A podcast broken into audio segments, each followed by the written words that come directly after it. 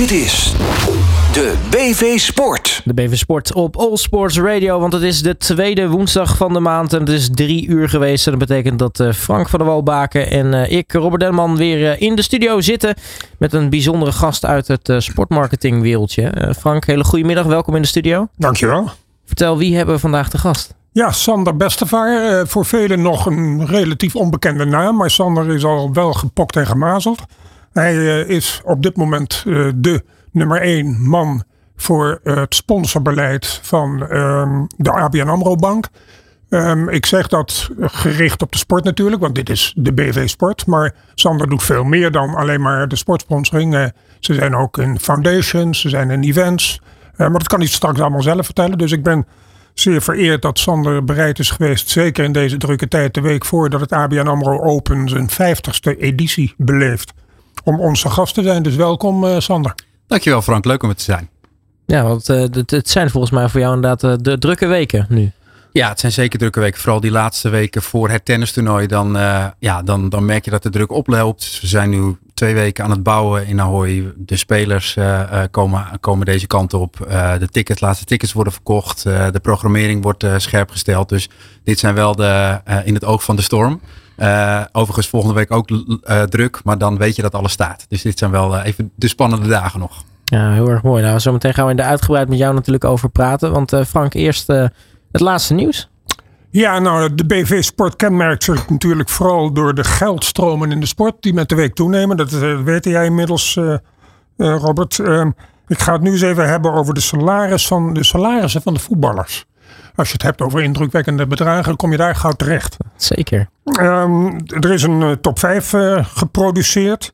Uh, nou, de best betaalde speler, niet, voor, niet verrassend eigenlijk, is uh, Mbappé bij Paris Saint-Germain.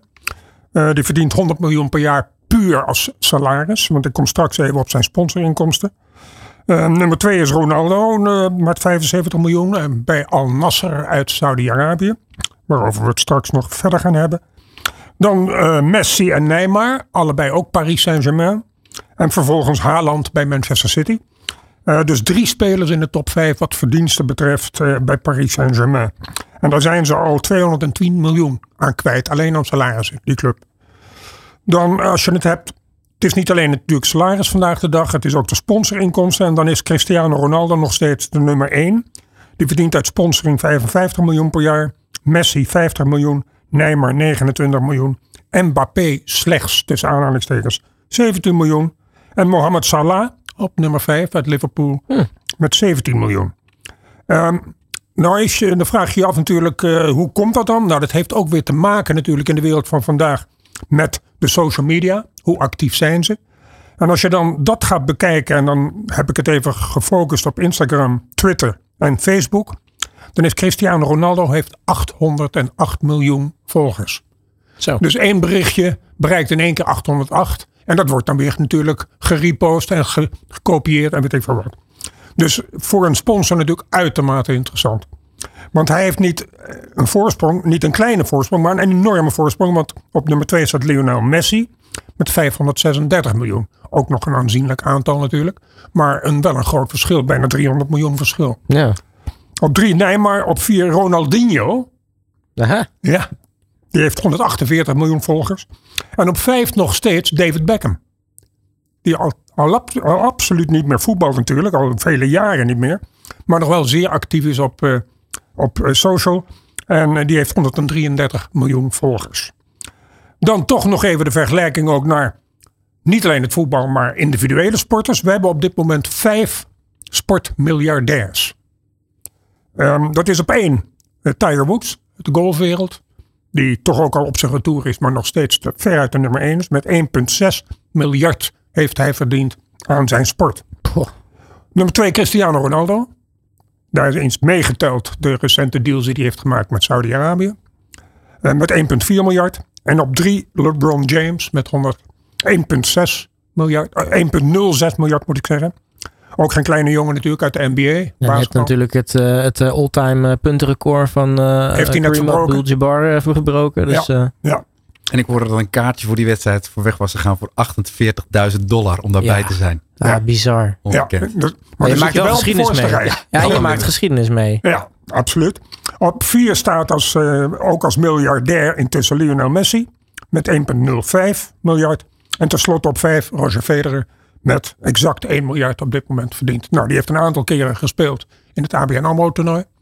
dus uh, dat is ook weer leuk dat we die hebben mogen huisvesten. Um, dan naar iets geheel anders. Uh, de organisatie van de World Cup vrouwenvoetbal dit jaar in Australië en uh, Nieuw-Zeeland heeft bij FIFA opheldering gevraagd. En dan zeg ik het voorzichtig. Ze hebben eigenlijk een bezwaar ingediend over het door FIFA en Saudi-Arabië overeengekomen sponsorcontract.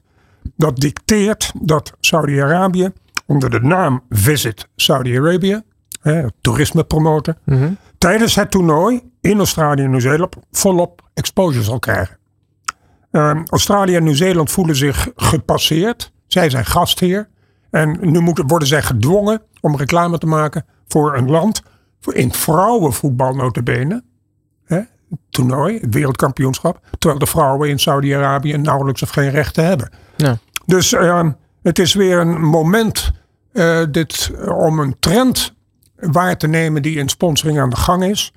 Uh, waarin um, iemand die met een zak met geld aankomt, niet noodzakelijkerwijs ook dat gaat krijgen wat hij zou willen krijgen.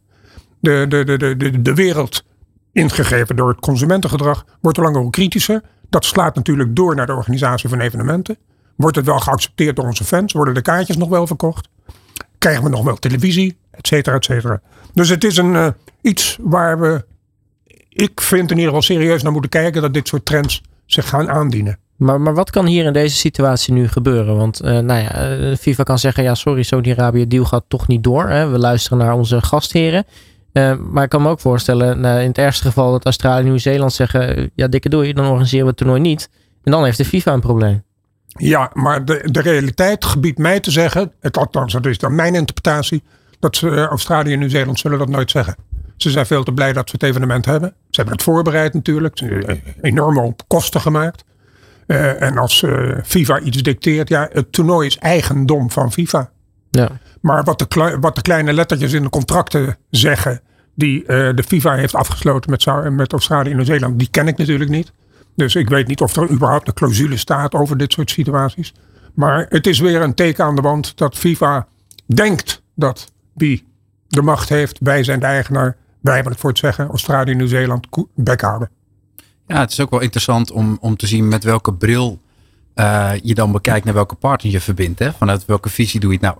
De, de, visie van FIFA is soms ver te zoeken. Maar je kunt natuurlijk ook best wel afvragen: hoe, hoezo benader ik zo'n partij als ik weet dat er al dit soort rechten en belangen zijn bij, de, bij het, bij het uh, gastland? Ja. Uh, en dat zie je misschien wel wat vaker, dat, dat toch de, de korte termijn regeert. En dat het wat ontbreekt aan een lange termijn visie. Aan welke partners wil je nou aan elkaar verbinden? Absoluut. En dat zie je volgens mij hier zo uh, ja. uh, live gebeuren. Ja, en wat speelt hier achter de schermen absoluut een rol. Daar ben ik van overtuigd. Dat Saudi-Arabië heeft zichzelf, zichzelf al kandidaat gesteld voor het wereldkampioenschap voetbal mannen voor 2030. Ja.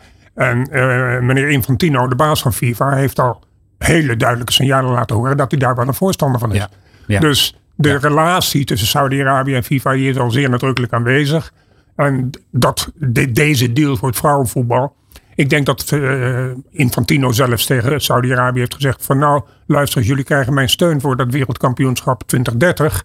Maar dan wil ik wel, want we hebben nog wel behoefte aan een sponsor voor het vrouwenvoetbal. Dat jullie even sponsor worden van het vrouwenvoetbal. Ja. Sluit ik absoluut niet uit. Dat zou maar kunnen. Maar goed. Um, op 12 februari gaan we gaan even naar een hele andere sport vindt weer het grootste Amerikaanse sportspektakel plaats, de jaarlijkse Super Bowl. De finale van het NFL-seizoen, National Football. Het is de 57ste editie en die gaat dit jaar tussen de Kansas City Chiefs en de Philadelphia Eagles. Um, even wat imposante cijfertjes.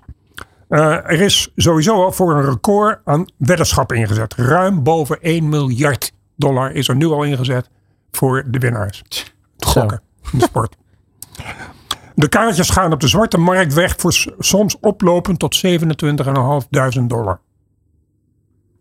Wat een bedrag. En de reclamespots bij Fox, die de uitzendrechten heeft, kosten 7 miljoen dollar voor een 30 seconden spot. Die waren er ook al heel vroeg heel uitverkocht, ook al hoorde ik toch? September waren ze al uitverkocht, september ja. vorig jaar. Bizar. En overigens uh, interessant te zien dat de automerken domineren in de hoeveelheid spots. Eh, de Eagles zijn overigens favoriet. Maar goed, dat even terzijde. We blijven nog even in Amerika. Het Amerikaanse private equity fonds Eagle Football Holding, de eigenaars van onder andere Olympique Lyonnais, het Braziliaanse Botafogo, Botafogo het Belgische RWD Molenbeek en 40% van Crystal Palace uit de Engelse Premier League. Uh, dat gaat naar de beurs, dat fonds. Hm.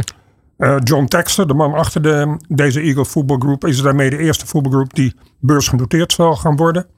Voor ogen staat, dat is de prognose van de begeleidende bank, dat 1,2 miljard dollar uit de markt, markt kan worden gehaald voor die holding.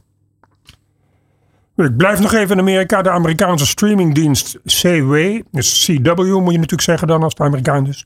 Onderdeel van het mediabedrijf Nexstar heeft de Amerikaanse rechten verworven of gekregen uh, van de LIV. En de LIV Tour is dus door Saudi-Arabië, daar heb je ze weer, Saudi-Arabië, gefinancierde golftour. Een beetje een uh, wilde tour, uh, want ze zijn geen vrienden van de, van de PGA, de professionele tour omdat uh, het een rechtstreeks bedreiging is met veel geld.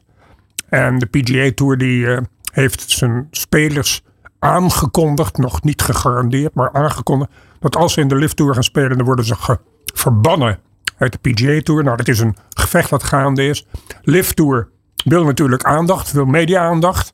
Uh, en de zender claimt die die recht heeft verworven, maar ik denk dat ze ze gewoon gekregen hebben zodat de lifttour kan zeggen, we hebben televisieaandacht. Want die, die zender die claimt 120 miljoen huishoudens te bereiken in de Verenigde Staten. Het gaat overigens om acht toernooien dit jaar. Uh, Europese mediapartners zijn er nog steeds niet. Die aarzelen in het kader van dat ze anders misschien ruzie krijgen met de PGA Tour. Dus het is interessant. En het is, ik denk ook, een, uh, een ja, het zal een soort trendsetter uh, zijn in de sportwereld. Wat gaat er gebeuren nu met deze tour? kan de PGA het eigendomschap van een golf claimen of niet? En daar komen op een gegeven moment ook uitspraken over door een rechter, denk ik. Ja, want ik denk dat het ook wel interessant uh, is dat er, of, of wat in ieder geval waar ze misschien naar gekeken hebben, is die rechtszaak die toen is geweest over FIFA en de Super League. Waar uiteindelijk wel gezegd is van, nou ja, de FIFA mag clubs verbannen aan de Champions League of andere Europese toernooien deel te nemen als ze deelnemen aan die Super League. Ja. Dus in dit geval kan de rechter natuurlijk ook gewoon beslissen, ja, sorry, maar spelers die meedoen aan die lift tour mogen dus terecht geband worden door de PGA Tour. Ja, je zou zeggen dat is een, een soort precedent. Dat, dat zou je dus kunnen als een soort uitspraak die verder gaat gelden. Want tegelijkertijd is er ook al een case bekend waarin onze Mark Tuitert, onze schaatser, een rol heeft gespeeld. Ergens vanuit het Midden-Oosten, ik geloof een van de, van de golfstaatjes, die wilden een wild ten, of, uh, schaatstoernooi organiseren. Uh, buiten de ISU de Internationale Skating Union. En um, daar um, heeft de ISU dat verboden. Heeft Mark Tuitert met een paar andere schaatsers hebben een rechtszaak aangespannen bij het Kassen in Zwitserland. En die hebben die gewonnen. De Kas heeft toen uitgesproken van de ISU is niet het eigen, eigenaar van alle het schaatsen in de wereld. En iedereen mag een schaatstoernooi organiseren en mag daar prijzengeld aan geven. Dus er zijn al rechtspraken, uitspraken die hier ongetwijfeld ook een rol in gaan spelen. Maar het is een interessant iets om te blijven volgen. Uh, ik blijf nog even in Amerika. De NBA, dat is de National Basketball Association Club. De Phoenix Sims heeft een bod van 3 miljard dollar op tafel liggen. Uh, van de twee venture capital groepen Teal Capital en Shasta Ventures. Teal Capital wordt geleid door Jack Selby, die de founder was van PayPal. En die door Forbes goed wordt geacht, het vooraanstaande instituut Forbes, voor, uh, wordt goed geacht voor 4,2 miljard. Ook zou, en daar hebben we weer, het Midden-Oosten, Qatar Investment Authority betrokken zijn in het bod. Dus wederom komt er al of niet direct een landje of een staat of iemand uit het Midden-Oosten opduiken om te investeren in de sport. Ik blijf nog even in de NBA. Het gerenommeerde Sportico heeft onderzoek gedaan naar wat de waarde is van de NBA franchises. De Golden State Warriors komen op 1 met een waarde van 7,6 miljard dollar. Gevolgd door de New York Knicks, 7,5 miljard. En de LA Lakers voor 6,4 miljard. De Lakers waar LeBron James natuurlijk speelt. Um, overigens, even vergelijken met een andere sport. De NFL-club uh, sport. De Dallas Cowboys is de werelds meest waardevolle club. Op elk sportgebied. Op één met een waarde van net onder de 8 miljard dollar. Die presteren al jaren niks, kan je nagaan. Ja. Maar, Maar- het geeft iets aan van de populariteit van eh, het national voetbal. Het Ja, Amerikaanse voetbal. Maar toch blijf ik dat dan apart vinden. Dan hoor je dan de- dit jaar dat de Chelsea voor 4, zoveel miljard verkocht is. En dan heb je het over een instituut als, als Chelsea. Of in ieder geval een grote Europese voetbalclub. En dat is dan, nou ja, misschien een schijntje dan eh, ten opzichte van een NFL of een NBA-club. Terwijl de voetbal voor je gevoel, althans, maar misschien omdat we dat hier in Europa leven, een veel grotere sport is wereldwijd. Klopt wat je zegt. Ja, maar Amerika, ja, het is zoiets groots. Dat, dat national voetbal, het trots. En, maar het is een marktmechanisme. Intussen in Engeland de wedstrijd om de nationale en wedstrijd tussen aanhalingstekens live rechten van de Premier League. De huidige waarde voor drie jaar is 5 miljard pond. Is weer begonnen. Eh, De huidige situatie is BT Sports, hè, British Telecom, Sky Sports en Amazon. Dat is vreemde eend erbij al, maar daar aanwezig. Nu wordt Apple TV zich, eh, of werpt Apple TV zich op eh, als belangrijke kandidaat. Dat vind ik een zeer interessante ontwikkeling, want nu blijkt wel dat die Amerikaanse streamingdiensten echt serieus de markt van de grote jongens eh, aan betreden zijn. Ja, en niet alleen maar meer in documentaires, maar ook echt voor de live rechten. Nou, ze hebben ook de, de hele Super Bowl geclaimd, toch? Apple TV? Ja. Eh, en ik ga me, ik, ik, eh, ze hebben ook het, eh, de Major League Soccer in Amerika hebben ze geclaimd voor 250 miljoen. En ik eh, ben zeer benieuwd wat er in Nederland gaat gebeuren. Want de rechten komen ook weer ter discussie over twee jaar, over Mhm. anderhalf jaar alweer. Eh, daar wordt dus nu ongetwijfeld al over onderhandeld. Eh, maar wat partijen als Apple TV, wat Netflix, wat Amazon gaat doen eh, eh, voor de Nederlandse rechten. Ehm Ten slotte, diezelfde Premier League heeft een, eh, een bom gelegd onder Manchester City. Heb je ongetwijfeld al iets van gehoord, Robert? Ja. De club is financieel doorgelicht en het heeft er alle schijn van, en niet geheel onverwacht, dat de club op vele fronten de reglementen van Financial Fair Play heeft overtreden. En in dit keer niet van de UEFA, maar van de Premier League. En dat is natuurlijk, vind ik, best wel gevaarlijker voor de club dan UEFA. Nou, de UEFA die doet toch eh, dit, zeg maar, door de, door de vingers. Zeker als het op het grote geld gaat. Ja. Hè, maar Manchester City is onderdeel van de Premier League en de Premier League is behoorlijk streng. Ehm, zo zouden spelers voor veel geld zijn aangetrokken, dat weten we. En die enorme bedragen, bedragen zouden zijn gekoppeld aan meer dan achtjarige contracten, zodat het aankoopbedrag boekhoudkundig kon worden verdeeld over die acht jaren. Waardoor ze dus eigenlijk een soort andere boekhouding gaan, gaan, gaan creëren. Ehm, slim misschien, maar ja, je moet altijd oppassen met dat soort boekhoudtrucjes. Ehm, deze deals die over de periode 2010 en 2018 die zijn onderzocht, zouden dusdanig veelvuldig zijn voorgekomen dat een zware straf mogelijk lijkt. En als ik het heb over een zware straf, dan is dat, zou dat kunnen variëren van een geldboete tot puntenverlies, maar zelfs degradatie. Zoals in Italië ook is gebeurd met Juventus. Dus ehm, het is nogal wat met Manchester City. Eigendom van de Citigroep, eigendom van weer geld uit het Midden-Oosten. Dus, ehm, en Pep Guardiola ja. en Haaland. En dit keer kun je zeggen met Juventus zowel met degradatie als puntaftrek. Want nou ja, de Calcio eh, Gate die hebben we al een keer meegemaakt. En nu staan ze natuurlijk weer 15 punten minder. Ja, en ze hebben trouwens ook, eh, Manchester City hebben ook weer slim, of slim, sluw zou ik bijna willen zeggen, gemanipuleerd in hun cijfertjes. Want ze zijn dus eigenaar van de club. En de hoofdsponsor van de club is Etihad Airways, ook weer uit hun land. En die betaalt een, niet een marktconform bedrag. Want die betaalt voor het shirt en het- de naam van het stadion ruim 100 miljoen. Nou, dat vind ik niet marktconform. Exact.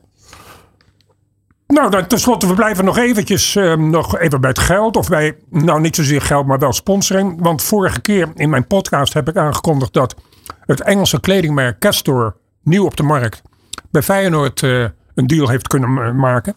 Maar en ik zei toen, dit is de enige club in Nederland. Nou, nog geen week later moet ik zeggen dat zowel FC Utrecht als FC Twente hebben ook getekend. Ja.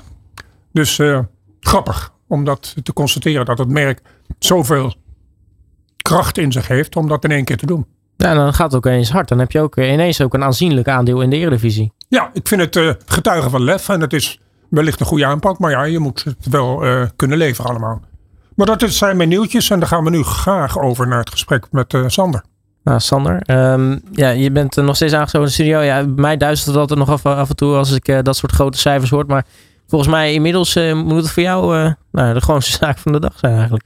Nou, over een miljarden en honderden miljoenen hebben we het bij de bank niet. Maar uh, wat, wat, ik wel, wat me wel boeit is, is um, uh, als je kijkt naar de bedragen die bijvoorbeeld de Messi verdient de dag dat aangekondigd werd dat Messi naar Paris Saint-Germain ging, steeg het aantal volgers met 40 miljoen voor Paris Saint-Germain. Dus je hebt het ook echt wel over de marktwerking waar je het over hebt, Frank. Het zijn ook grote merken. En uh, je ziet ook dat clubs toch ook de nieuwe mediapartijen zijn hè, van, uh, uh, van deze eeuw.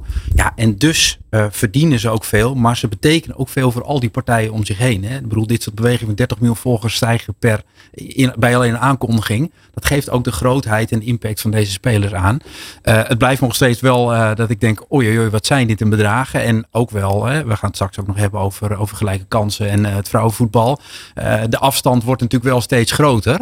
En dat zegt ook iets over de breedte sport en over het competitief vermogen van, van alles. Maar het zijn, ja, het zijn indrukwekkende cijfers.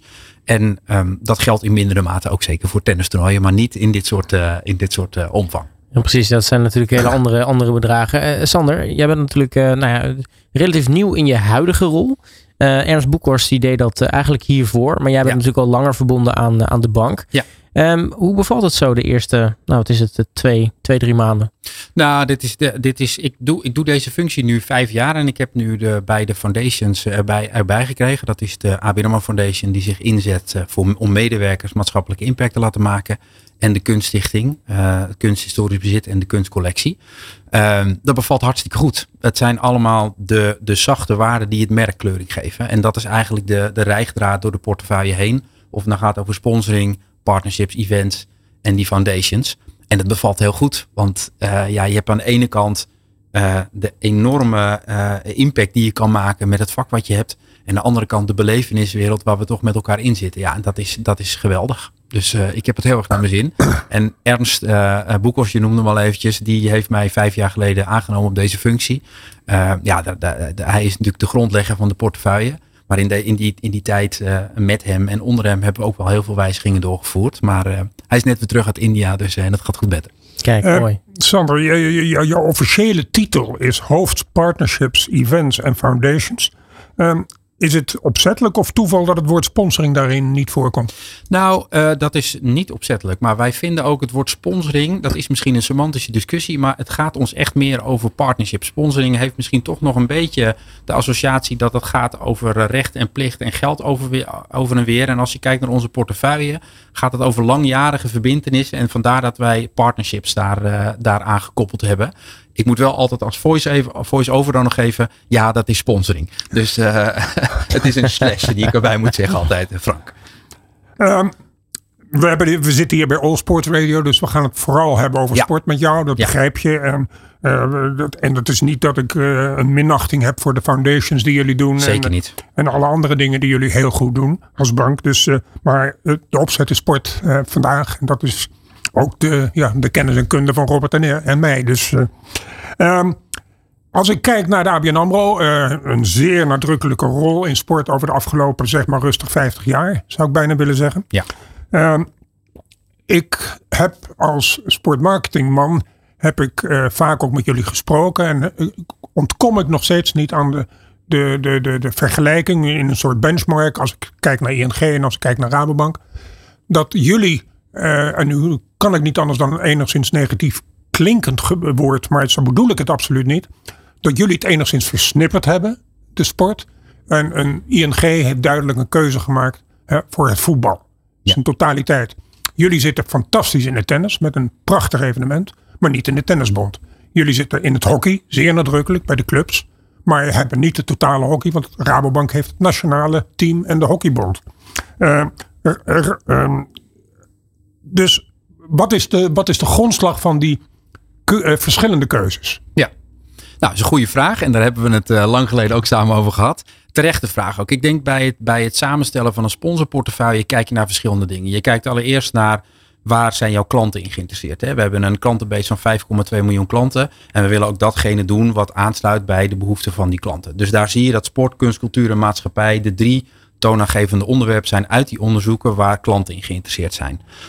Dan bouw je daarin een portefeuille op ik ben het helemaal met je eens dat je zoekt naar een rode draad. En dat kan je volgens mij op verschillende manieren doen. Dat kan je in een categorie doen. Zoals ING dat doet en zoals Rabo dat doet. En wij hebben ervoor gekozen om dat door de portefeuille heen dwars te doen.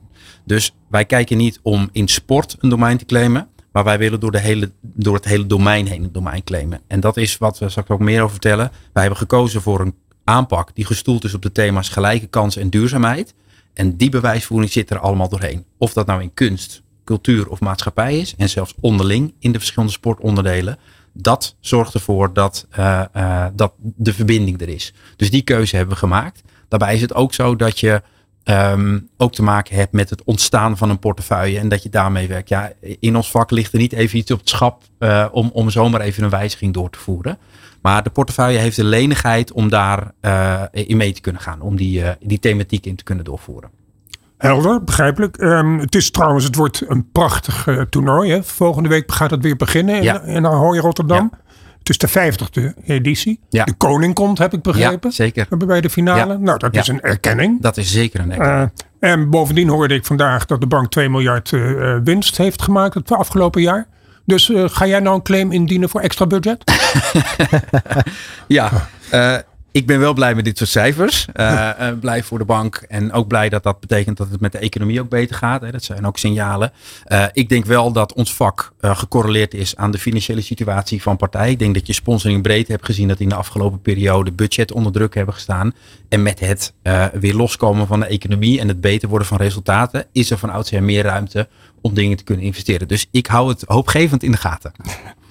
Um, Jullie hebben een mooi toernooi, komt eraan. Vijf spelers uit de top 10 heb ik begrepen. Dus nou ja, jullie hebben een reputatie als een van de beste, zo niet het beste indoor toernooi van de wereld.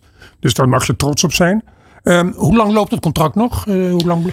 Tot de editie van 2025. Dus drie edities. Dit is de eerste editie van het nieuwe contract. Oké, okay, dus het contract is recentelijk verlengd? Ja, ja. Voor de, we hebben het voor de editie van 22 is het verlengd. Dus dat was nog de laatste van het oude contract. En um, ik weet ook uit ervaring, uh, omdat ik het zelf ettelijke keren heb mee mogen maken. Uh, jullie benutten dat toernooi heel goed. Hè? Jullie hebben elke dag groepen van mensen die krijgen eerst een seminar of een lezing. En dan gaan ze een hapje eten en dan gaan ze tennis kijken. Natuurlijk een prachtige manier om za ook zaken te doen. Uh, is het niet zo dat jullie op een gegeven moment, omdat jullie al zo lang aan boord zijn, dat jullie al die relaties al gehad hebben en dat ze een soort ja, uh, gevoel krijgen van ja, nou daar ben ik nou al een paar keer geweest. Dat, nou is het welletjes. Of weten jullie nog steeds de zalen te vullen? Ja, dat weten we nog steeds. En misschien goed om een klein beetje terug te gaan van wat zijn nou de redenen waarom we verlengd hebben. Hè? Dus even de klok een jaar terug. En dan sta je als groot bedrijf voor de, voor de uitdaging: ga ik dit toernooi wel of niet verlengen? En dan ga je natuurlijk naar heel veel verschillende dingen kijken. Uh, onder andere is er nog appetite bij de business. Oftewel, willen, wil de business met haar klanten nog komen? Zien we nog ruimte om juist die nieuwe klanten te vinden? Kijk, 5,2 miljoen klanten is een fors klantenbestand. Hè? Voordat je dat hebt, uh, uh, dit je die allemaal een keer hebt laten komen, dat duurt echt wel even.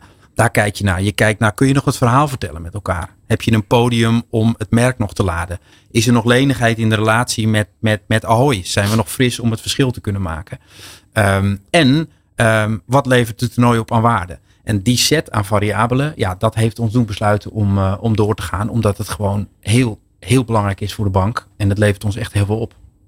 Jullie zijn een naamgever aan het toernooi. Het, Ja. heet, het heet nu uh, sinds relatief korte tijd ABN AMRO Open. Ja.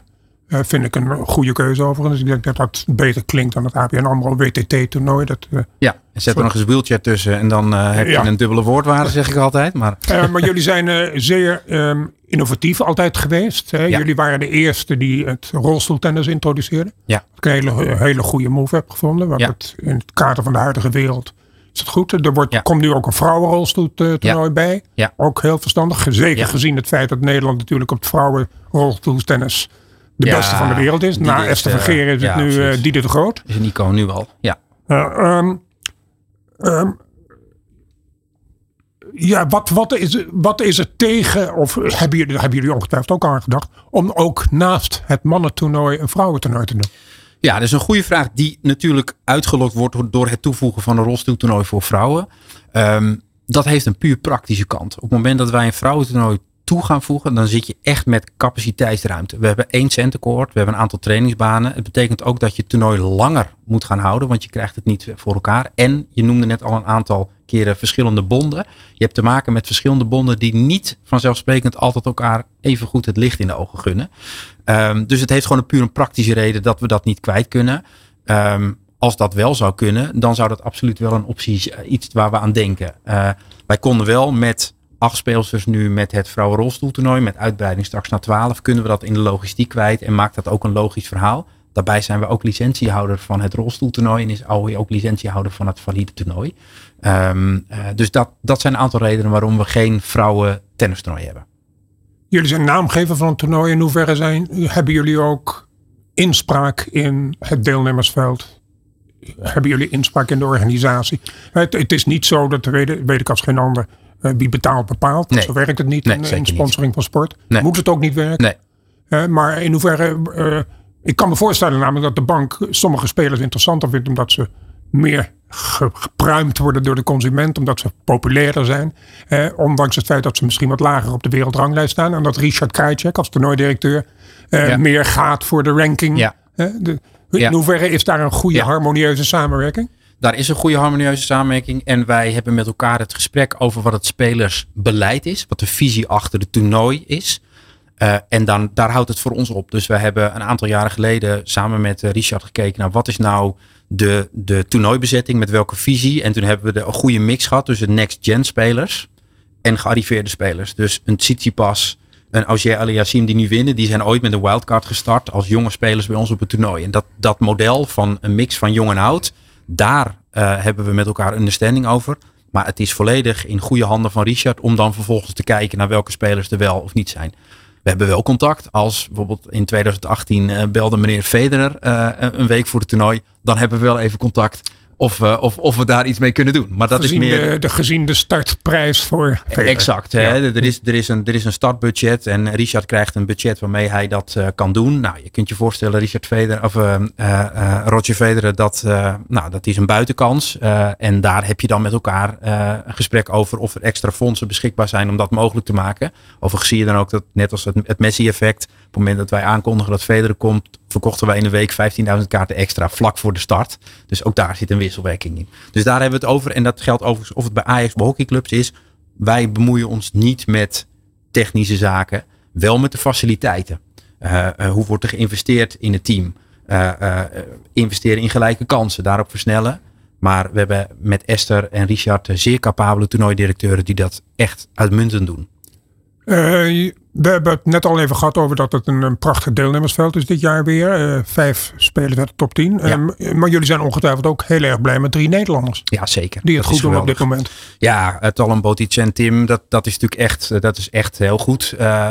Heel blij mee. Dat, dat, geeft het Nederlands tintje. En nou, ik weet niet of het toernooi geweest is, maar die avonden als Nederlanders spelen zijn gewoon anders. Die bruisen, dan gaat Rotterdam helemaal leven. Ik weet dat Richard het zelf niet zo fijn vond om voor thuispubliek te spelen, maar uh, uh, anderen vinden dat die voor een enorme boost. Dus het is gewoon echt een asset dat je Nederlandse spelers hebt. En dat we nu de luxe hebben, dat we in die situatie zijn dat we er drie hebben die het allemaal goed doen. Dus dat is, uh, ja, dat, dat, dat koesteren we.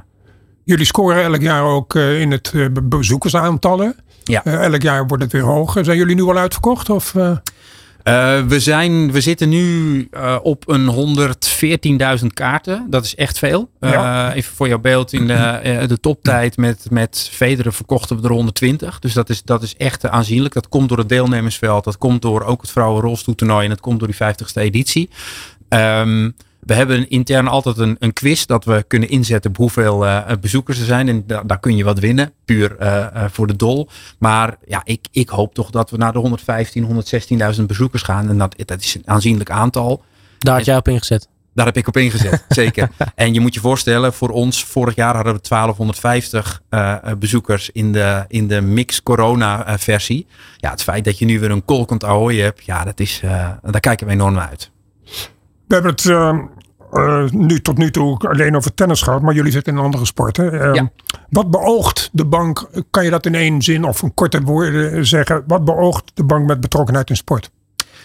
Um, allereerst blijft eh, sponsoring ook een, aan, zich een maatschappelijk instrument. Wij houden eh, sportbonden in leven, of dat nou hockeyclubs zijn of sportclubs wij beogen daarmee het verder te helpen. Wij, wij kiezen niet voor bewezen succes. Wij zijn al tien jaar sponsor, hoofdsponsor van de Ajax-vrouwen. Nou, dat is niet omdat het toen heel succesvol was. Dat is omdat we geloven dat er iets beter kan. In 2009 startten wij met een, met een rolstoeltoernooi. Dat was echt pionieren. Dus De bank kiest niet voor bewezen succes. Wij kopen niet het succes, maar wij investeren in een weg waardoor wij gaan groeien. Ehm, die bundeling van sporten in hockey, tennis en voetbal. De rode draad is daar dus gelijke kansen en duurzaamheid. Dus wij hebben als doel die weg naar gelijke kansen en duurzaamheid te versnellen. En dat doen we middels onder andere sport en ook andere domeinen. Maar gezien het uh, All Sports Radio gaan we het hier niet over kunst, cultuur en maatschappij. Nee, begrijpelijk. Uh, maar uh, beschouw je het niet als een handicap dat jullie hebben gekozen voor drie sporten? Dat heb je net uitgelegd. Ik begrijp dat. Maar je komt in één van die sporten kom je een grote concurrent tegen, Rabobank in het hockey. Uh, jullie zitten bij de clubs, op clubniveau, ja. zeer nadrukkelijk. Ja. Uh, door het hele land. Ja. Uh, maar je komt toch natuurlijk in de top van de piramide in ieder geval, kom je het Nederlands elftal tegen. Ja. Dus Jantje die bij Bloemendaal speelt. nou, laten, we, laten we Jorrit Kroon nemen. Okay, Jorrit Kroon, ja. die bij Bloemendaal speelt. Hè, die, die, in de competitie speelt hij met ABN AMRO op zijn shirt. Zeker. En een week later speelt hij in Oranje, speelt hij met Rabobank op het shirt. Ja. Is dat niet wrijvend? Is dat niet, of heb, kan je daarmee leven? Nou, weet je, ik, ik, ik weet niet of ik, of ik per se helemaal eens ben dat je als concurrenten niet in eenzelfde veld actief kan zijn. Ik vind dat ook een, misschien een beetje een achterhaald principe. Ik denk als je een duidelijke signatuur hebt, dan kun je best samen actief zijn. En ik, ik heb zelfs als ING gebeld uh, destijds met, met, met Chitske en Steven of we niet samen campagne moesten voeren over vrouwenvoetbal breed. Dat je handen ineens slaat vanuit een KVB-perspectief bond en vanuit een, uh, uh, de topclub Ajax. dus ik geloof als je in hetzelfde veld zit.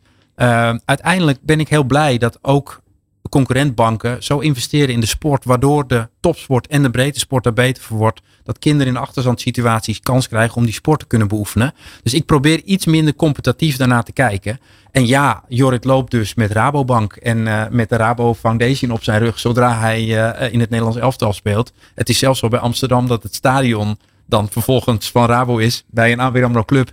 Vind ik dat heel erg nee. En daarbij is het ook zo dat momenteel wat we merken is dat Rabo toch wel iets minder dominant aanwezig is in het hockeylandschap. Die zijn ook fors terug gegaan in, on, uh, uh, in hun budget. Dus ik denk dat het daarom heel goed is dat zowel dat ABN AMRO daar ook in actief is. En wat mij opvalt en wat mij ook pleziert en wat ik ook terecht vind is dat ik in jouw antwoorden veel hoor. Wij stellen onszelf als partner van sport, als sponsor van sport de vraag maken wij de sport daadwerkelijk beter? Ja. Want dat leidt tot geloofwaardigheid. Ja. En geloofwaardigheid is een sleutelwoord ja. in de wereld van vandaag. Ja. Dus dat vind ik een, een, een, een, een hele goede ja, mindset. Waar veel sponsors nog een voorbeeld aan zouden kunnen nemen. Want het kwantitatieve denken, ja. zichtbaarheid, ja. uh, geniet nog steeds veel de voorkeur boven het kwalitatieve ja. denken. Ja. Van hoe ben ik aanwezig in Ja. de sport? Hoe word, ik gepercipieerd? Dus dat vind ik een hele goede. Uh, is, er een, is er een sport op dit moment waarin je, waarvan je zou zeggen: van nou, als wij een van de drie sporten waar we nu in zitten zouden stoppen, of we willen een vierde, daar wil ik wel over nadenken. Uh, met die voorwaarden dat we dan niet zouden stoppen. Ik vind, um, uh, ik denk dat padel een ongelooflijk aantrekkelijke sport kan zijn. Um, met, als je kijkt, uh, Ziggo die het nu gaat uitzenden, verschillende toeren, de, de interessante samenvoeging van die verschillende bonden. Ik weet niet of je zelf wel vaak op tennisclubs komt, maar momenteel verdwijnen de tennisbanen ten faveur van de padelbanen. Je ziet ook dat het een sport is die steeds meer gaat toenemen. Dus dat, dat vind ik absoluut een, een, uh, uh, een interessant iets. En dat zou ook een verrijking kunnen zijn. Hè? Nogmaals, als je afscheid neemt van iets anders, om je tennissignatuur te vergroten. Dus dat vind ik zeker iets wat, wat boeiend is. Ja. Ja, ja, en je ziet inderdaad bij padel de sterke groei zie je overal. Je ziet ook al een, een world tour. Je hebt ja, een, klopt. Uh, um, de vraag is, uh, gaat de tennisbond erin slagen om het bij tennis te betrekken? Of wordt het een aparte bond die ja. op eigen benen gaat staan? Ja. Ik ben bang voor het laatste, als ik de ontwikkeling een beetje volg. ik weet niet of ik dat goed vind. ik denk dat padel ook iets heel gunstigs kan betekenen voor de tennisbond. Het zorgt voor verjonging, verfrissing en ik denk nieuwe inzichten. Uh, ondanks dat ik denk dat het ze een beetje overkomt. Uh, maar bij elke uh, ontwikkeling kun je dat ook gewoon goed, goed gaan vastpakken. Ik, ik hoop dat het bij één bond blijft. Maar ik ben bang dat dat, dat, dat uiteindelijk een aparte bond zal gaan worden. Ja, die, die, ik deel die gedachte. Um, laten we eens overstappen naar Ajax. Ja. Um, jullie hebben een tijd lang als hoofdsponsor gediend van, van de mannenploeg. Ja. het, het Ajax in Ja. deze. Laten we de- Ja. Ehm, eh, zie ik het juist dat jullie, dat de doelstelling daarvan was, het, was vooral het eh, toegankelijker maken van het ABN AMRO-merk. Het, eh, de, pers- de perceptie in de markt was een beetje, Aja- of ABN AMRO is een chique bank waar je alleen welkom ben- bent als je een driedelig grijs pak aan hebt of Ja. als je een paar miljoen op de bank hebt staan. En terwijl de ABN AMRO bank ook natuurlijk zit te vissen naar de persoonlijke leningjes, de hypotheekjes, de kleinere consument. En door op het shirt te gaan staan van een instituut als Ajax voetbal, zegt de bank in wezen iets zonder het te zeggen. Wij houden ook van voetbal. Is, Ja. dat, is dat een juiste analyse van de reden waarom jullie in de tijd op het shirt zijn gaan staan? Eh, je hebt het over een beginperiode. Ja. Dat, we dat, dat denk ik zeker. Dat denk ik zeker. Ehm, en destijds was dat ook een, een heel mooi. Ik weet niet of je de campagne met uh, Babankida en Van Os nog kent. Met even mijn adviseur bellen. Het was ook een heel mooi platform om te, om te laten zien eh, ehm, eh, dat wij een deskundige bank waren. In die tijd, wij stapten wel in dat nog niet per se, ook daar was nog niet het succes. Dat kwam later. Dat is ook geluk hè. Eh, met Van Gaal, met de gouden selectie, met het winnen van de Champions League. Als je de Am- Amsterdam eh, Johan Cruijff Arena inloopt, zie je nog op de muur, ondanks dat wij geen hoofdsponsor zijn, heel veel ABN AMRO shirts, omdat er gewoon heel veel successen behaald zijn toen. En er zat een groot internationale component aan. Eh, Ajax ging ook Europees eh, flink. En toen waren wij ook een grote internationale bank. Ehm, daar waren er overigens ook tijden. We hadden ook een Ajax-rekening toen. De Ajax-ballen. Er zat een heel groot activatieplatform aan. Dus dat is zeker een reden om, om wat meer misschien de, de elitaire kant wat los te laten. En wat meer eh, ehm, ja, het land te bereiken. Absoluut. Ehm, even een tussenstapje. Je noemde net, eh, toen waren we nog een internationale bank. Ja. Eh, intussen is ABN AMRO gedeeltelijk voor een zeer belangrijk deel eigendom van de staat. Ja. Beschouw je dat als een, als een, een blok aan je been, als een handicap of, of merk je daar niks van? Nee, daar merk ik niet veel van. Nee, daar merk ik niet veel van. Ehm, en, en wat je ziet is dat wij nog steeds, eh, dat we hebben gekozen voor een groeistrategie in Noordwest-Europa. Dus wij cent- centreren daar de activiteiten. We zijn dus niet meer, eh, jij vertelde dat je vroeger eh, in, het, in het buitenland hebt gewerkt. Nou, daar zijn we niet meer actief. Maar nog wel in, in, in Europa. Maar ik ervaar het niet als een, als een belemmering of blok dat wij deels nog in handen van de staat zijn. Nee. Het sponsorschap van eh, de mannenploeg is eh, beëindigd. Er staat Ja. nu Ziggo op het shirt van Ja. eh, de heren, van de mannen. Ja. Jullie zijn wel gebleven. Ja. Ehm, ehm, met doelbewust natuurlijk, want jullie hebben de vrouwen en de jeugd gepakt en de toekomst. Ja. Ehm, kan je daar een stukje de motivatie? Ja. eh, Ja, wat je, nou, ik denk de eh, 10, 12 jaar hoofdsponsor van de, van de mannen. Ehm, wij hebben als bank ook best wel wat eh, roerige tijden gehad. Hè? Dus eh, eh, banken hebben niet altijd in, eh, in een heel positief daglicht gestaan. Dus wat wij toen merkten ook, is dat de associatie van ABN AMRO Bank met het grote geld van het eerste elftal, dat roept de verkeerde associaties op. En dat, dat meten wij ook samen met Ajax. Eh, eh, twee keer per jaar onderzoeken we dat onder Ajax-fans, voetbalfans en Nederlandse bevolking, wat de associaties zijn. Overigens worden wij nog steeds als een van de hoofdsponsors genoemd, terwijl wij al 12, 13 jaar niet meer bij het eerste zijn. Dus dan zie je ook wat langdurige sponsoring doet met de breinpositie in Nederland. Ehm, destijds was, eh, is Ernst ook met het team toegestart met Partner van de Toekomst. Dat was de toenmalige eh, sponsorstrategie. En daar paste natuurlijk letterlijk de toekomst, de jeugd heel goed bij. Ehm, maar met onze purpose Banking for Better for Generations to Come. En de thema's gelijke kansen en duurzaamheid zijn wij drie jaar geleden hebben we wel een draai gemaakt. Dus we hebben gezegd de jeugd laten we los. Wij verzwaren ons hoofdsponsorship met de vrouw. En dat is echt met een factor, nou ik denk factor 10 uh, uh, uh, verstevigd. En we, worden blijven maatschappelijk partner en duurzaamheidspartner. Nou, dat past dus helemaal weer in die gelijke kansen en duurzaamheidsmotivatie. Maar we houden wel ons hospitality pakket bij het eerste elftal. Dus we hebben nog steeds 120 plekken in het stadion. Omdat klanten nog steeds graag naar het uh, eerste elftal van de mannen kijken. Um, de keus om uh, meer of te gaan richten op de vrouwen. Ja. Was dus uh, niet, niet zozeer dat het minder ging kosten, maar was meer strategisch. Ja, absoluut.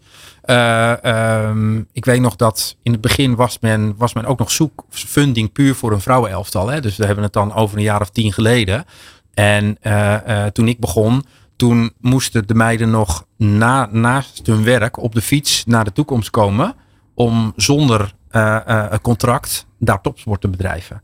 En ik weet nog goed dat ik met, uh, ik was mee uh, met Ajax naar Lyon. Dat was dan hebben we een, een, een sponsorreis. Dan gaan wij met, met, met het elftal mee met relaties. En ik was daar, Adidas was mee. En ik was natuurlijk met, met Daphne, zat ik daar op de tribune. En binnen no time stond Ajax tegen het grote Lyon, die echt een ongelooflijk budget hebben voor het vrouwenvoetbal. Um, stonden we met 5-0 achter. En we gingen er met 9-0 vanaf en dat had zomaar 12-0 kunnen zijn. En ik weet nog dat ik daar zat op een regenachtige uh, dinsdagmiddag. En ik zei tegen Daphne, goh, dat, die afstand, dat is behoorlijk. Ga je dat nog inlopen? En toen zei ze, ja, dat is heel, dat is heel makkelijk. Want er ontbreekt nog zoveel dat elke stap die je nu gaat zetten in het vrouwenvoetbal, heeft een kwadraat impact uh, uh, op de vooruitgang. Um, en nu hebben wij, zijn we dus voor ingestapt. En dat heeft Ajax ook de mogelijkheid gegeven om een CAO te realiseren. Er is nu een talentenelftal. Het eerste meisje wat in het talentenelftal zit, breekt nu door in het eerste elftal. Er zijn aparte trainers bijgekomen. Ze krijgen een volwaardig onderdeel in de nieuwe toekomst. Je ziet ook dat het vrouwenvoetbal aan zich natuurlijk door het succes van het Nederlands elftal uh, is gestegen. Dus dat is wel een bewuste keuze geweest het is een, het, het, uh, en daarbij zijn de vrouwen ook toegankelijker om te activeren. Het zijn, het, ja, het is, er echt een wereld van verschil. Als je, ik ga vaak naar het vrouwenvoetbal kijken, die lopen na een wedstrijd, lopen ze langs de boarding. En daar staan allemaal kinderen en ouders met kinderen. En dan gaan ze gewoon handtekenen uit. Dat kun je bij de mannen niet meer voorstellen.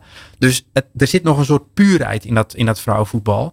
En dat spreekt gewoon heel erg aan. Dus dat is absoluut. En daarnaast, uh, als je kijkt naar de marktpotentie van het vrouwenvoetbal, die is enorm. Uh, ik denk dat dit een van de grootste groeimarkten gaat zijn voor de komende jaren. Binnenkort Ajax, PSV, vrouwen voor het eerst in de arena, hè? Ja, geweldig. Echt geweldig. Nou, als je het hebt over versnellen en waar we ons voor inzetten en hoe help je de sport verder. Ja, daar zijn we echt heel trots op. Dat we samen met de Johan Cruijff Arena, dat we samen met, met Ajax deze stap zetten. Adidas doet mee, Ziggo doet mee.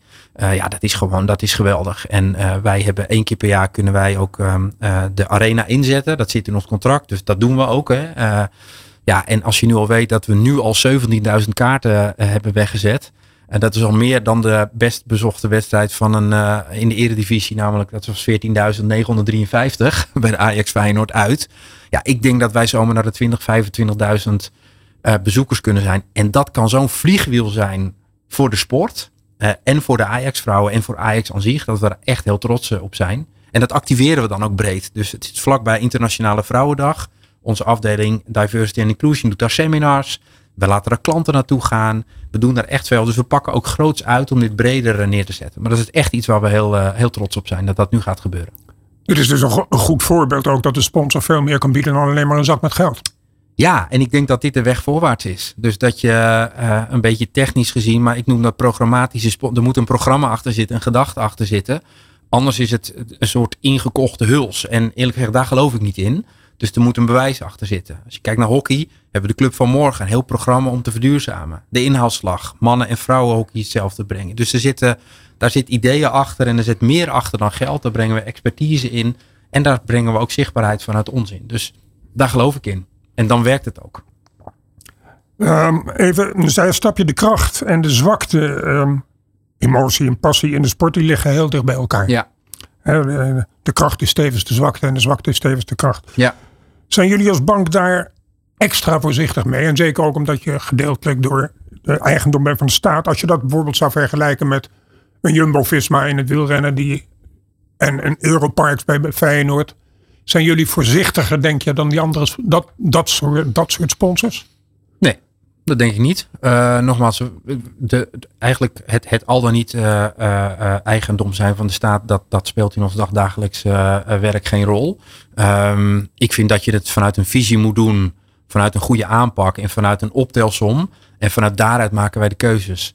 Um, wij doen per definitie stappen we niet in risicosporten zoals de autosport of vechtsport. Maar dat, eh, daar is beleid voor waar we niet in gaan. Maar dat heeft niet te maken met lef. Maar dat is gewoon dat wij met die, met die sporten ons niet willen associëren vanwege het risico wat het kan opleveren.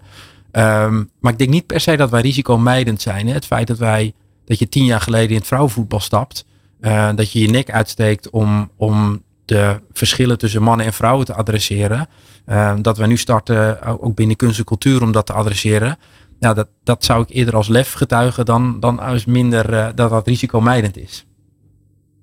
Um, even jou, voor jouw mening over iets anders, even niet zozeer over het ABN AMRO beleid in sport, maar ja. Wat vind je van een, een sponsorschap door bijvoorbeeld een zorgverzekeraar als DSW op het shirt van Excelsior, waarin ze de Stichting Ambulance Wens uh, op het shirt hebben staan en kort ondertekend klein door DSW. Hoe, hoe sta jij daar tegenover? Nou, vind ik heel sterk. Vind ik heel sterk, want volgens mij geef je dan aan de maatschappelijke signatuur. Uh, ik zag ook in, jou, uh, in, jouw, um, in jouw column laatst dat het ja, de maatschappelijke impact die je kunt maken en het maatschappelijk echt vormgeven, ja, dat vind ik daar wel een voorbeeld van. Ik vind dat, ik vind dat wel sterk. Dus, dus ik ben daar wel fan van. Ja. ja. Je ziet het in toenemende mate. Um, um, zou jij zoiets overwegen, bijvoorbeeld op het shirt van de Ajax-vrouwen? Nou, dat zou, dat, dat zou absoluut een optie kunnen zijn. Uh, zeker. En ik, ik hoop ook, uh, misschien ook wel een oproep, uh, dat er meer partijen zich aan het vrouwenvoetbal gaan, gaan verbinden. Ik denk dat wij samen met Aserion een van de grotere partijen zijn die langdurig zich hebben verbonden. En dat er voor de rest nog veel kleine partijen verbonden zijn. Of een andere hoofdsponsor die het erbij heeft gedaan. Maar waarom zou niet een Hello Fresh of een Crisp of een, uh, of een, of een ander merk wat zich richt op het gezins, de markt voor gezinnen en zich kunnen verbinden aan het vrouwenvoetbal. Dus bijna een oproep. Sander, nu uh, hoor ik uh, heel veel mooie dingen. Uh, maar ik, ik weet ook, jij bent ook een man van ambitie. Jij hebt ook je eigen toekomstdromen. Jij hebt ook je, de dingen die je graag wil, wil doen of misschien nog wil, wil behalen. Als je kijkt naar jouw ultieme toekomstdroom, hè, wat, wat zou jij nog echt in deze positie bij ABN AMRO voor elkaar willen krijgen? Dat is een mooie grote vraag zeg. Uh, nou weet je, ik, ik, ik hoop oprecht dat wij uh, kunnen blijven investeren in, in uh, de impact die sponsoring op het merk heeft. Dus ik hoop oprecht dat we het blijven zien als een kans om een merkverhaal te vertellen. Ik hoop dat er ruimte komt om, nou misschien waar we het net over hadden, zo'n droom van Padel of wel zo'n domein uit te kunnen breiden. Dat dat, dat kan.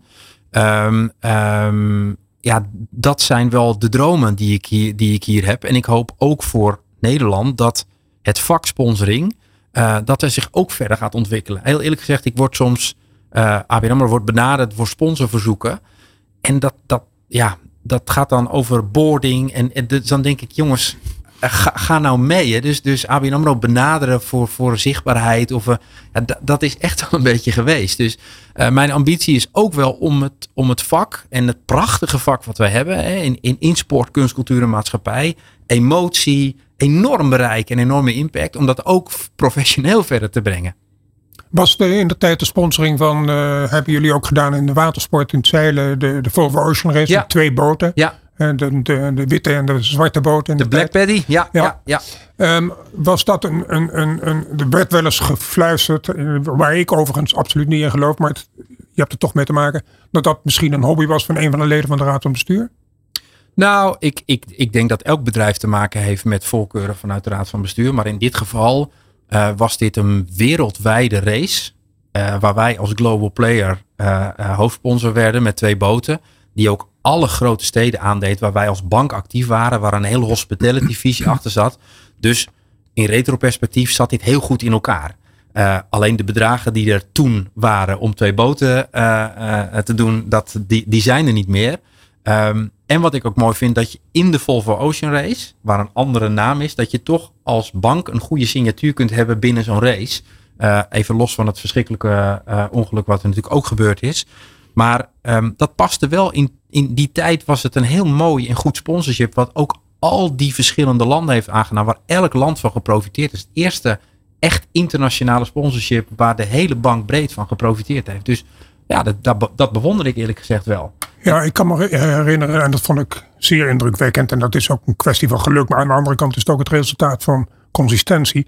En goed sponsorbeleid. Want uh, de New York Times had op de voorpagina een grote foto staan van de ABN AMRO boot die de Hudson opvoer. Uh, omdat het was een van de finishplaatsen in de Volvo Ocean Race.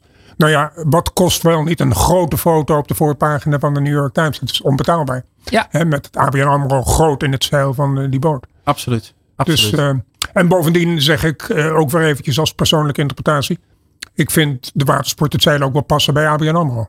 Ja, dat snap ik dat je dat zegt. En ik denk zeker met, met de purpose die wij hebben, dat dat absoluut, uh, dat dat absoluut een match zou kunnen zijn. Nou, hartstikke mooi. Nou, wie weet uh, of dat nog in de toekomst gaat gebeuren. Ik weet dat Frank een groot liefhebber is van, liefhebber is van zeilen. Dat dus, weet ik ook. uh, maar we zitten alweer eigenlijk bijna door de tijd heen. Wat jammer is, want het is natuurlijk een heel erg leuk gesprek. Ik heb nog één vraag als het mag. Oh, ja, Snel. Nou, noem hem. Um, als zich een co-sponsor meldt bij de, voor de Ajax vrouwen. Hebben jullie dan een stem daarin? Afgezien van het feit dat het natuurlijk niet concurrerend kan zijn. Maar hebben jullie een stem daarin? Wij hebben een dusdanig goede relatie met Ajax dat zij ons wel uh, polsen. Maar Ajax kijkt op een hele zorgvuldige en goede manier naar het verrijken van het partnership. En we hebben contractueel vastgelegd de exclusiviteitsclausules. Ehm, dus ja, ik denk wel dat dat voorgelegd wordt. Niet op contractuele basis, maar op partnership basis. Ja, juist antwoord zou ik zeggen. Nou, doe nog door voor de wasmachine. hey, uh, Sander, mag ik je hartelijk danken voor uh, je komst naar de studio natuurlijk. Heel erg veel succes bij uh, nou, het ABN AMRO Open. Want volgens mij ga je er ook genoeg doen, denk Zeker, ik. ja. En nou ja, tot slot ook nog een kort vraagje. Wie, wie hoop je dat er wint? Ik hoop dat uh, Ogier Aliassim zijn tweede pakt. het is toch een, een next-gen speler. en een hele sympathieke jongen. Die een geweldig jaar achter de rug heeft. En ik zou het wel mooi vinden als zijn naam. We moeten overigens dan wel de ring uitbreiden. Want bij Ja. overal staan namelijk de namen. En Ogier Aliassim. Je kunt Nogal je lange voorstellen naam, ja. dat we dan een uitbreiding hebben. Maar dat, dat hoop ik eerlijk gezegd. Uh, maar ik hoop vooral op veel toptennis. En uh, veel dank dat ik hier mocht zijn. Leuk om. Uh, ja, te time flies when you're having fun. Hè? Dus uh, je ziet hoe snel het gaat. Uh, dank voor je aanwezigheid. Het was een leuk gesprek. Dank je. Wederzijds. Dankjewel. Frank, jou ook natuurlijk weer bedankt voor je komst naar de studio. En uh, dat was dit voor de BV Sport. Uh, in de loop van de middag natuurlijk online terug te beluisteren. En we zijn er volgende maand weer met een, een nieuwe gast. Dus ik zeg alvast tot dan. Dit is de BV Sport.